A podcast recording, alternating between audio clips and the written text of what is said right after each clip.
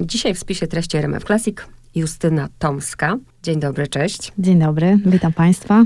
Poetka, dziennikarka, autorka tomu rozmów z ludźmi kultury pod tytułem Okiem Pacjenta. My się spotykamy w związku z tym, co przeczytałam na początku, czyli poetka. Twój debiutancki tomik poezji pod tytułem bardzo ciekawym List do patomorfologa. Mogę go potraktować jako bardzo osobisty? I tak i nie. Z jednej strony osobisty, no bo wyrasta z moich doświadczeń, ale z drugiej strony, gdybyś mnie zapytała o inspirację i o źródła, z których czerpałam, to nie były tylko moje doświadczenia. To było tak naprawdę wszystko. To były też słowa innych ludzi, obrazy, ich doświadczenia, słowa usłyszane na ulicy. To wszystko po prostu wchodziło do tej książki w tym czasie, kiedy siedziałam nad tym tematem, czyli nad tematem odchodzenia rodziców i też no, śmierci jednego z nich. Kiedyś by się wydawało, mówię kiedyś, bo naprawdę byśmy powiedzieli, że to jest taki temat spychany, nieporuszany, ale tego tematu ostatnio jest dużo. Chociażby Mira Marcinów, która napisała e, tutaj piękną recenzję twojego tomiku. Czy język poezji dla ciebie jest łatwiejszy do opisywania właśnie straty? Okazało się, że tak. Przez wiele lat siedziałam nad prozą tak naprawdę. Zresztą to widać w tym tomiku, tak. nie? że on jest bardzo prozatorski. Albo inaczej, że nie używam narzędzi, których się używa zazwyczaj w poezji. Więc tak naprawdę ta proza towarzyszyła mi na co dzień. Ale w pewnym momencie coś się zmieniło. Nie wiem, czy ja się zmieniłam, zaczęłam korzystać z innych inspiracji, czy może po prostu się jakoś rozluźniłam w tym życiu ze względu na to, że mam tyle lat, ile mam. I nagle ta poezja pojawiła się w moim życiu, ale też tak jakby wróciła bo ja jako młoda dziewczyna zaczynałam jako, jako poetka. Gdzieś zarzuciłam tą poezję na rzecz prozy, ale ona do mnie, do mnie cały czas wracała. No i w końcu, w końcu pozwoliłam jej wrócić no, w takiej formie, powiedzmy, poważnej, tak? Jakby podeszłam do tego poważnie, bo wydaje mi się, że gdybym miała tutaj e, ważyć, czy poezja była dla mnie ważniejsza, czy proza, pisanie poezji, czy prozy, no musiałabym powiedzieć, że e, przez wiele lat proza była dla mnie ważniejsza. Natomiast e, teraz, od kilku lat, przyznaję tutaj poezji pierwsze miejsce. Możemy to zdradzić słuchaczom, to żadna tajemnica, że przed wejściem na antenę mówiłyśmy właśnie, ty powiedziałaś o tym, że poezja przeżywa swój renesans. Ja też tak myślę, ale, no właśnie ale, bardziej tak myślą te osoby, które troszkę tam w tej poezji siedzą. Zadałam kiedyś, już to nieraz mówiłam i nie ale to powtarzam, że zadałam jakiś słuchaczom pytanie, czy chcą więcej poezji na antenie odpowiedź była straszna i brutalna nie. I dlatego, wiesz, poezja przeżywa renesans, ale wśród ludzi, którzy kochają tę poezję. Czy się nie bałaś? Bo jednak, tak, tak bardzo się ludzie jej boją. Nawet mi piszą, boją się, bo szkoła nam zrobiła krzywdę, bo jej nie rozumiemy i tak dalej. Dlatego jak czytałam twoje wiersze, to się bardzo uśmiechałam, bo tak jak powiedziałaś, tak jakbym czytała prozę. No i taki właśnie był mój zamysł. Nie chciałam być hermetyczna. Chciałam, żeby te obrazy były jasne tak naprawdę dla każdego, kto po nie sięgnie. I, I tak naprawdę miałam taki szatański zamysł, żeby tę książkę czytało się od deski do deski, czyli jak już się wejdzie w ten świat, to żeby nie można się było oderwać w jakiś sposób. Ponieważ mimo iż jest to poezja, to nadal no, jest to część literatury. Mhm. Nadal uważam, że literatura to jednak jest rozrywka plus, nawet jeżeli dotykamy ciężkich e, tematów, to one muszą być podane w taki sposób, żeby jednak ten czytelnik się przedarł przez te tematy. Więc rozrywka plus jakiś naddatek. I o tym starałam się myśleć, jak to pisałam. Czy się bałam? Nie, no bo jakby z jakąś tendencją, którą mam w sobie, tak, do pisania tej poezji, no nie ma sensu walczyć, no bo jeżeli będę udawać, no to to nie wyjdzie. A co z tematem? Bo biorąc pod uwagę, że mieliśmy Wichę, teraz mieliśmy Mirę Marcinów, czy, czy nie miałaś z tyłu głowy takiego czegoś, że ktoś powie właśnie, o, znowu ten no, temat, oczywiście. odgrzewane kotlety, tylko że ojciec, Tak, nie? oczywiście, oczywiście. Na szczęście w sukurs przyszła matka, przepraszam, czarny humor. oczywiście, że się bałam. No ale z drugiej strony też wiem, że w literaturze było już wszystko. I tak naprawdę chodzi o to, o formę, w jaki sposób to podamy. Więc y, musiałam zaufać sobie. Być może coś z tego będzie, wcale nie miałam pewności. Zresztą w trakcie pisania tego tomiku pisałam też inne tematy, y, inne wiersze na inne tematy. Tak naprawdę pisałam cały czas. I potem zobaczyłam, że pośród tych wielu, wielu wierszy jest pewna całość, którą można wyodrębnić i złożyć w jeden tom. No i zaczęłam pracować, tak, na, nad nim już konkretnie.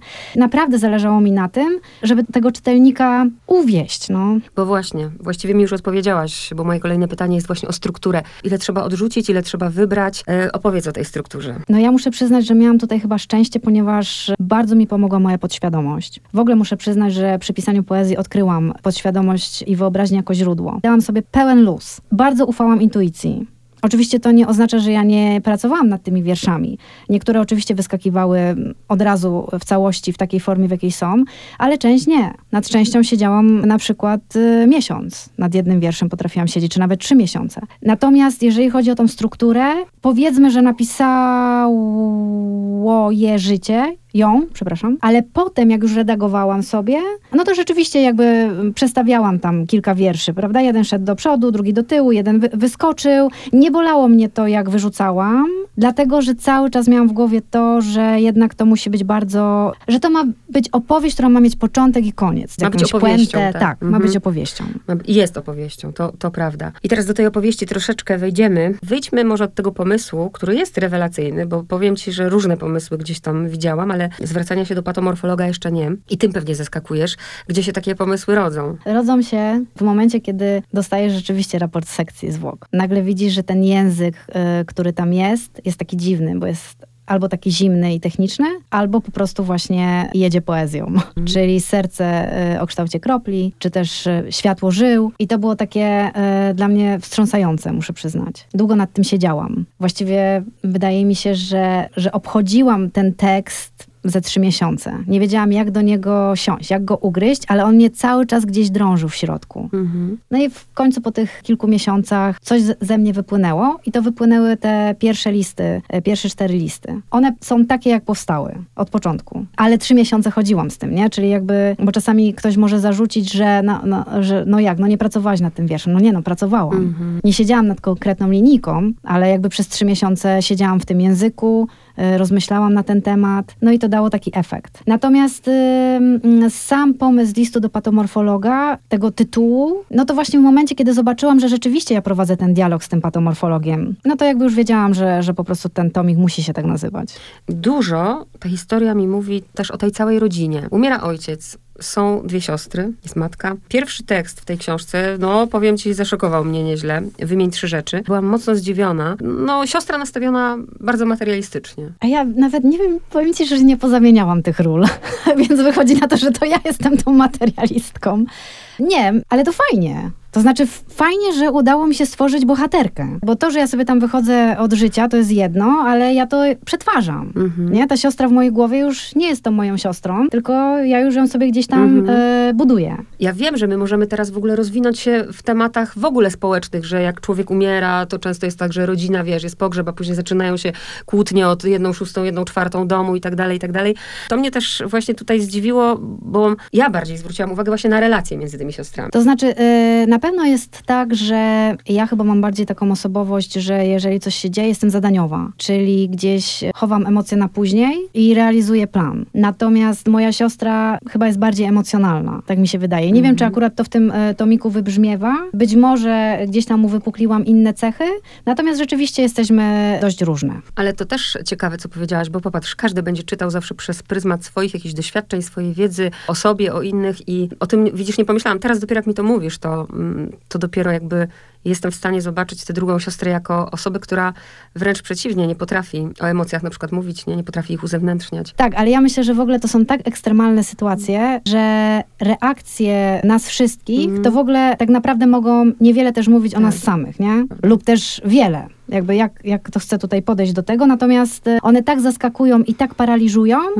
że czasami po prostu zachowujemy się naprawdę absurdalnie. Ojca poznajemy, a ojca już nie ma, mm, więc tylko budujemy go sobie ze wspomnień. Przedstawiłabyś chociaż krótko tego ojca? Tak, ojciec, e, silna osobowość, z wielkim ego, ale też fajny człowiek do rozmowy, choleryk, uwielbiający swoją pracę, no i kochający rodzinę, ale os- ostry. Jedna rzecz, która mnie tutaj, tak jak powiedziałam, bo pracujesz, no po, w ogóle poezja, ale nie tylko poezja, no praca, pracujesz, to się mówi tak kolokwialnie, Słowie. że pracujesz na emocjach, nie? I e, jeden tekst tutaj mnie rozwalił naprawdę, bo teraz czy ja go znajdę, kiedy on mówi do córki, to twoja wina, że ja umieram, to przez Mhm. ciebie. Pani życia i śmierci, no właśnie. Mówił, umieram przez ciebie, rzuciłaś, odeszłaś, zmieniłaś, czasowniki niezdatne do niczego, drugiemu pokoleniu po wojnie. I czasem rodzice nam mówią, albo dziadkowie, do grobu mnie wpędzisz, to przez ciebie. A ja pomyślałam o tej drugiej stronie i o tym, co przeżywa. Właśnie, jak o niej mówić? Podmiotka liryczna, skoro są same feminatywy? To mówmy właśnie... podmiotka. Podmiotka, dziwnie to brzmi, nie? No. No ale, no dobra, niech jest. No to ona, y, no ją to dotyka. Tak, nie ominęły mnie tarcia, które zazwyczaj są pomiędzy ojcami a córkami. Gdzieś e, mój ojciec z tą swoją taką, jak to powiedzieć, taką, e, z takim mocnym charakterem, chyba zbyt bardzo chciał narzucać swoją wolę. Jakiekolwiek jakby takie wyłomy, które ja robiłam, żyjąc po swojemu w jego życiu, wywoływały jakby takie właśnie drastyczne słowa. No i wtedy oczywiście to bolało, Natomiast y, kiedy emocje opadły, no to jakby wiadomo, że tam jest też y, mimo wszystko dużo miłości nie mówiłby tak ktoś, kto, kto nie kocha. Dlaczego podmiotka, przepraszam, że tak mówię, ale nie chcę mówić Justyna właśnie, żeby nie było, że mhm, tak. Y, tak bardzo to utożsamiam. Dlaczego wybrała patomorfologa, osobę, której y, właśnie nigdy nie, nie pozna? Tak jest łatwiej? Właśnie dlatego, że ona jest zadaniowa, nie umie się otworzyć i dlatego on? Dobre pytanie. Dlaczego on? No bo to był taki świadek właściwie tego, co się działo, prawda? Być może, że no, nie wiedział tak naprawdę, co jest po drugiej stronie, natomiast no, znał sytuację śmierci śmierci i odchodzenia i gdzieś jakoś tak naturalnie stał się taki najbliższy w mojej głowie, żeby rozmawiać o tych tematach z nim. Ale pójdę dalej. W takim razie, czy dla niej mm, ten patomorfolog i te listy od niego, mogę to potraktować jako formę autoterapii po śmierci ojca? No i tutaj Czyli... dochodzimy do takiej kwestii, nad którą, nad którą ciągle się zastanawiam. To znaczy dla samej podmiotki tutaj, w tej książce możemy tak traktować. Mm-hmm. Natomiast na pewno nie było tak, że pisanie było moją terapią. Mm-hmm. To, to nie. Aha, w ten sposób. Nie, nie, nie. Nie, nie mhm. uważam, żeby... Mm, żeby to ci miało pomóc, jakby ro, ro, tak, rozprawić się z tymi nie, emocjami. Nie, nie, nie. Myślę, że jakby i tak musiałam po prostu wysiedzieć swoje, pozwolić mm-hmm. tym emocjom i tak e, wybrzmieć. Natomiast e, pisanie po prostu gdzieś tam o tyle może było terapeutyczne, że rzeczywiście czasami odciągało moje myśli od tej codzienności, która mm. w pewnym momencie była ciężka. Opowiedz jeszcze coś o mamie, bo to jest też bardzo ciekawa postać i ciekawe jest spostrzeżenie, że krótko mówiąc, mama jeszcze, ona jest, ale już jakby jej nie było, nie? Tamten czas, kiedy to się działo z mamą, czyli jakby te wszystkie takie momenty jej śmierci niedokonane, no to rzeczywiście to był no, paskudny czas, niezwykle ciężki. Wtedy w ogóle to jeszcze była pandemia, więc e, w połowie pobytu mamy e, w szpitalu, zamknęli szpitale, więc nie mieliśmy w ogóle kontaktu z nią przez jakiś czas. Więc tak naprawdę mamę odkryłam w momencie, kiedy odszedł ojciec. Bo ojciec jakby miał tak ekspansywną tą swoją e, osobowość, że tak naprawdę no, on był clue programu naszego rodzinnego. I kiedy ojca zabrakło, to nagle zrobiło się miejsce właśnie dla naszej relacji i myślę, że ta opieka nad mamą też stała się możliwa właśnie dzięki no, nieobecności taty w jakiś sposób. Natomiast y, okazało się, że moja mama jest szalenie fajną kobietą z niezwykłą wolą życia. Zupełnie inaczej ją widziałam jako nastolatka i, e, i później jak już wyszłam z domu i mieszkałam osobno, jakby no potem tato zachorował, więc oczywiście wszyscy się skupiliśmy na tacie. Natomiast e, rzeczywiście ten czas po śmierci taty i ta choroba mamy pozwoliła nam się bardzo zbliżyć. I muszę przyznać, że zobaczyć bliską osobę, która tak bardzo kocha życie i która tak bardzo... Zacytuję Matka Pies na życie. Nie? Tak, zawsze taka była, szczerze mówiąc. Uświadomiłam to sobie właśnie po latach, że naprawdę mama buddystka, mama, która po prostu e, cieszy się każdym kwiatkiem, który jej wyrasta w ogrodzie, każdym dniem. Nie wiem, jakoś wcześniej tak jakby mnie to trochę nie interesowało, natomiast teraz być może to po prostu z wiekiem przychodzi też, że, że po prostu gdzieś tam się, no ja też się gdzieś tam starzeję, nabieram jakiejś dojrzałości, no więc zbliżam się do tej mamy, tak? Jakby powiedzmy, że mamy, zaczynamy mieć podobne do, doświadczenia życiowe. A może to jest jakby też e, ważne, żeby powiedzieć, że ja byłam późnym dzieckiem. Mhm. Czyli jakby różnica pomiędzy mną a moimi rodzicami jest e, no, prawie 40 lat. Więc moja mama urodzona w 42 roku no, ma zupełnie inne mhm. doświadczenia niż ja. Rzeczywiście spora. Tak. I teraz właśnie gdzieś się spotkałyśmy. Przeważnie jak rozmawiam e, z, z poetką, poetą, bardzo pilnują tego, żeby nie mówić właśnie ja, dlatego tak się, wiesz, wyczuliłam i cały czas ta podmiotka, żeby nie mówić Justyna. A kiedy jednocześnie opowiadasz o tym tomiku, cały czas mówisz mama, tata, tak jakbyś właśnie mówiła o sobie. To też jest ciekawe, bo to znaczy, że tobie to nie będzie przeszkadzać, y, bo autorzy się zawsze boją, wiesz, tego utożsamiania, nie? Tego, że jeden do jednego, że to nie jest tak i tak dalej. Dlatego ja się od razu ustawiłam w tej pozycji podmiotka, ale widzę, że ty się bardzo naturalnie w tym czujesz, jeżeli by mówić o tobie. Powiem ci tak, że jak szłam tutaj do ciebie, to też się tego bałam. Ale jak sobie tutaj tak gawędzimy, to jakoś naturalnie to zupełnie wychodzi ze mnie i nie mam żadnego, wiesz, żadnej spiny, czy czegoś takiego, czy buntu. Mhm. To wyrasta z moich doświadczeń. Tylko tak jak mówię, no, to jest tekst literacki. No to właśnie, to teraz powiedz konkretnie, jak pracowałaś, bo tak jak mówię, to, to są trudne tematy. Wyro, wyrosło to na bazie twoich przeżyć. Wszyscy, albo i nie wszyscy, ja nie doświadczyłam straty ojca i bardzo się tego boję. I nie wyobrażam sobie, na tym etapie nie wyobrażam sobie, więc y, mam dużo empatii, mam dużo tutaj właśnie, jak to czytałam, to łza wokół mi się kręciła, ale też przeżywałam lęk, nie? Bo to w zależności od tego, kto ma jakie doświadczenia. I teraz uwaga, jeśli to jest tekst literacki, ty no, przechodzisz i przekładasz to na język poezji, gdzie zwracasz uwagę na brzmienie. Na Jak- melodię wiersza. Właśnie. Jak ty nad tym pracujesz? No to jest bardzo ciężkie pytanie. Prościej by mi by, było z prozą. Gdybym na przykład miała tutaj kawałek jakiejś mojej prozy, to wtedy byłabym ci w stanie mm, powiedzieć dokładnie jakby co, co zrobiłam. Natomiast z wierszami jednak jest tak, że to jest jakaś praca podświadomości. Ja, ja, ja słyszę tą melodię. To ze mnie w jakiś sposób wypływa. Ale na przykład masz No. ten wiersz, który tutaj jest, y, Mhm. załóżmy. I to wygląda tak, że intuicyjnie, tak jak podświadomie właśnie wypłynie ten wiersz i ty potem co? Szlifujesz ten wiersz miesiąc, wykreślasz, pracujesz, oj nie, to słowo nie pasuje, y, Tak. szukasz tego, Tak. dopasowujesz. Tak. I wtedy zastanawiam się w takim razie, czy to już nie jest zgubienie tej emocji, rozumiesz, która była? A zgubiłam? No nie. Rozumiem, co chcesz powiedzieć, natomiast y, no nadal pisanie no jest pracą. No. Jest jednak pracą i tak jak mówię, że podświadomość tutaj pełni szaloną e, rolę, Mhm. no to jakby nie obejdzie się od świadomości, tak? Mhm. E, bo czasami ta podświadomość wyrzuca coś fajnego, rytmicznego, e, z konkretną melodią, atmosferą i tak dalej, ale na przykład wrzuca jakiś beznadziejny czasownik, który po prostu jest tak banalny, że Mhm. właśnie trzy miesiące szukam innego czasownika, który by pasował w to miejsce. Ten moment, kiedy ty już po trzech miesiącach wiesz, że to jest to słowo, że ono jest dobre. Jak ty to odczuwasz na poziomie, nie wiem, ciała, takiego spokoju? Jak to jest? Tak. Mhm. To przychodzi taki spokój i tak sobie już jakby mogę to zamknąć, nie? I Mhm. jakby odłożyć, e, odłożyć e, na półkę. Natomiast e, oczywiście jakby mam to, co chyba mają wszyscy, że jeżeli teraz bym dostała znowu do przeczytania e, ten tomik, to pewnie znowu bym coś zmieniła, Mhm. nie? Jakby to jest nieustanna Mhm. praca, natomiast rzeczywiście, no trzeba sobie powiedzieć w pewnym momencie dość, to już jest jakby goto gotowe i już e, idziemy do nowego, nie? Jakby piszemy nowe. Jako dorosła osoba, ja bardzo lubię czytać poezję i teraz już wiem, ja już wiem, że ja się nie muszę jej bać, bo też się jej długo bałam, że ona ze mną albo rezonuje, albo nie, że ja ją czuję, albo nie. I wiem, że to się teraz, przynajmniej w moim życiu, odbywa właśnie na poziomie uczuć. Mhm. I to jest piękne. I dlatego ta opowieść, y, no, bardzo mnie poruszyła. Ale teraz ty jako poetka i, i wróćmy sobie do szkoły. I teraz wyobraźmy sobie, że Justyna Tomska się pojawia na lekcji języka polskiego. Nauczycielka przynosi zafascynowana ten tomik poezji i zadaje uczniom pytanie, no to słuchajcie, jaka jest dominanta stylistyczna tego tomiku? Jak ty się wtedy zanosisz na coś takiego, jak się tak podchodzi do poezji? No nie, nie, no jednak, e, jednak tutaj to musi zostać w jakiejś takiej sferze wolności. Kiedyś ktoś mnie zapytał, czym jest dla mnie pisanie, to muszę tutaj górnolotnie powiedzieć, że jest wolnością. Dla kogoś może być odwagą, no nie wiem, tam jeszcze różnymi rzeczami. Dla mnie jest no takim, taką przestrzenią wolności i myślę, że jeżeli chodzi o czytanie, to też tak to powinno Mhm. zostać w tej sferze. A jeśli chodzi o potrzebę twoją, bo powiedziałaś już, że ty jako Justyna Tomska nie napisałaś tego w ramach właśnie mm, autoterapii, nie do tego ci był ten tomik potrzebny, więc jakaś potrzeba za napisaniem tego stała. Jaka? Czy czegoś byś chciała? Czy byś chciała coś ludziom powiedzieć, albo żeby ludzie coś w związku z przeczytaniem tego, nie wiem,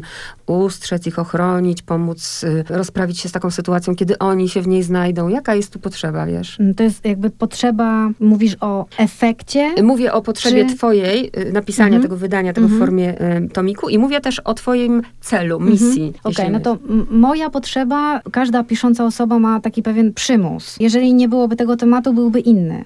Tylko w tym temacie doszłam do, do takiej jakości, którą byłam w stanie pokazać światu. I byłam w stanie sobie z tym e, poradzić, tak emocjonalnie. Natomiast cel, no myślę, że, że nie będę tutaj jakaś oryginalna, ale no na pewno jakiś efekt, e, o jakiś efekt zaskoczenia na pewno mi chodziło. Żeby pokazać coś trochę z innej strony. Mhm. To właśnie, żeby się tak wchodziło w ten świat, trochę tak jak w masło, no po prostu. Mimo iż Mhm. tematy są ciężkie, ale żeby to jednak tak wciągało na jakiś czas. Żeby to przeżyć po prostu, nie? Tak. To jest twój debiutancki tomik, więc jakby stawiam się troszeczkę w twojej sytuacji, bo widzisz, ja nie miałam nigdy odwagi i nie mam tej odwagi, żeby cokolwiek z szuflady wyjąć. Tak się bardzo boję, ja się do tego przyznaję i mam z tym problem i to jest mój problem. Tak bardzo się boję krytyki. Dlatego chylę czoła, bo jesteś odważna, nie? Pokazujesz to światu, to idzie dalej. Boisz się krytyki? Mm, Wiesz co, boję się zarzutu, że te teksty mogłyby być banalne. To to jakby, to był taki jedyny mój lęk. Ale chyba nikt się na to nie odważy, wiedząc, że za tym stoi historia i czyjeś e, cierpienie. Ale wolałabym, żeby one nie były banalne z takich Mhm. względów literackich bardziej Mhm. niż, e, wiesz, e, życiowych. A jak się spotykała, spotkałaś się już z krytyką, czy jeszcze, jeszcze za wcześnie? Dostałam kilka głosów i to raczej były e, głosy. po, pozytywne głosy. Natomiast no, zobaczymy. Ale jesteś przygotowana na takie krytyczne? No zobaczymy tak naprawdę, nie? Wydaje mi się, że tak, dlatego, że nie jest tak, że utożsamiam się z tymi tekstami. One mówią o moim doświadczeniu, Mhm. ale w jakiś dziwny sposób jestem od tej książki odłączona. Myślę, że to jest zdrowe. Myślę, że to chyba każdy Mhm. pisarz tak ma, nie? Mhm. Że w pewnym momencie po prostu e, zamyka tą pracę i oczywiście ja sobie podczytuję od czasu do czasu, bo teraz jest ten czas promocji, więc jakby nie chcę być odłączona od tego tekstu, Mhm. bo już siedzę nad czymś innym, ale i jakby po prostu sobie e, odświeżam i wchodzę w te emocje, tak? Żeby, żeby nie Mhm. być od nich daleko. W ogóle o poezji się ciężko rozmawia. Na przykład mam ochotę ci zadać pytanie. Wiem, że ono jest szalenie trudne, ale może spróbujesz. Gdybyś ty miała wyjść z siebie, stanąć Mhm, obok mhm. i oddzielić się i właśnie popatrzeć na ten tomik poezji, to co byś powiedziała? Wiesz, zawsze szukamy, no to jest bardzo trudne, bo mo- można by to było powiedzieć dopiero po trzecim, czwartym tomiku poezji Justyny Tomskiej. To jest pierwszy. Ale na podstawie tego pierwszego, co byś powiedziała o języku poetki? Jaki on jest? prosty, nie używa takich typowych dla poezji narzędzi, że mało jest tam jakichś takich metafor czy też porównań. Mam nadzieję, że, jest, że ma swoją melodię, bo ja ją słyszę w głowie. Natomiast bardzo ciężko jest mi czytać swoje wiersze, bo jak je czytam na głos, to właśnie nie słyszę tej melodii, natomiast jak czytam Mhm. cicho, to słyszę, co zawsze zaskakuje y, moich przyjaciół. Uważam, że jest mimo wszystko autoironiczny. Jest tam duża dawka humoru. że to może być, przepraszam, że tak mówię, ale zachęcające właśnie dla tych ludzi, którzy się boją czytać poezji, nie? Kiedy usłyszą, że jest mało metafor, to już od razu jest takie coś, o, to może, to może sięgnę, nie? Dokładnie. I na koniec jeszcze powiedz o okładce, czy to jest twój pomysł. Powiedz słuchaczom, co jest na okładce, Mhm, żeby tak, tak, tak. sobie... Więc na okładce są igły e, powbijane w taki biały karton e, i z jednej igły e, rozchodzi się e, kawałek układu krwionośnego, taka żyłka. I to projekt stworzył Olgierd Chmielewski, świetny grafik. Ja mu tylko napisałam, że poproszę o coś ostrego, ale nie chodziło mi o igły, natomiast jemu się to przyśniło. No i właściwie jak pokazał mi ten projekt, to bardzo mi się spodobał. Justyna Tomska, debiutancki tomik poezji, list do patomorfologa. Dziękuję ci bardzo. Dziękuję bardzo.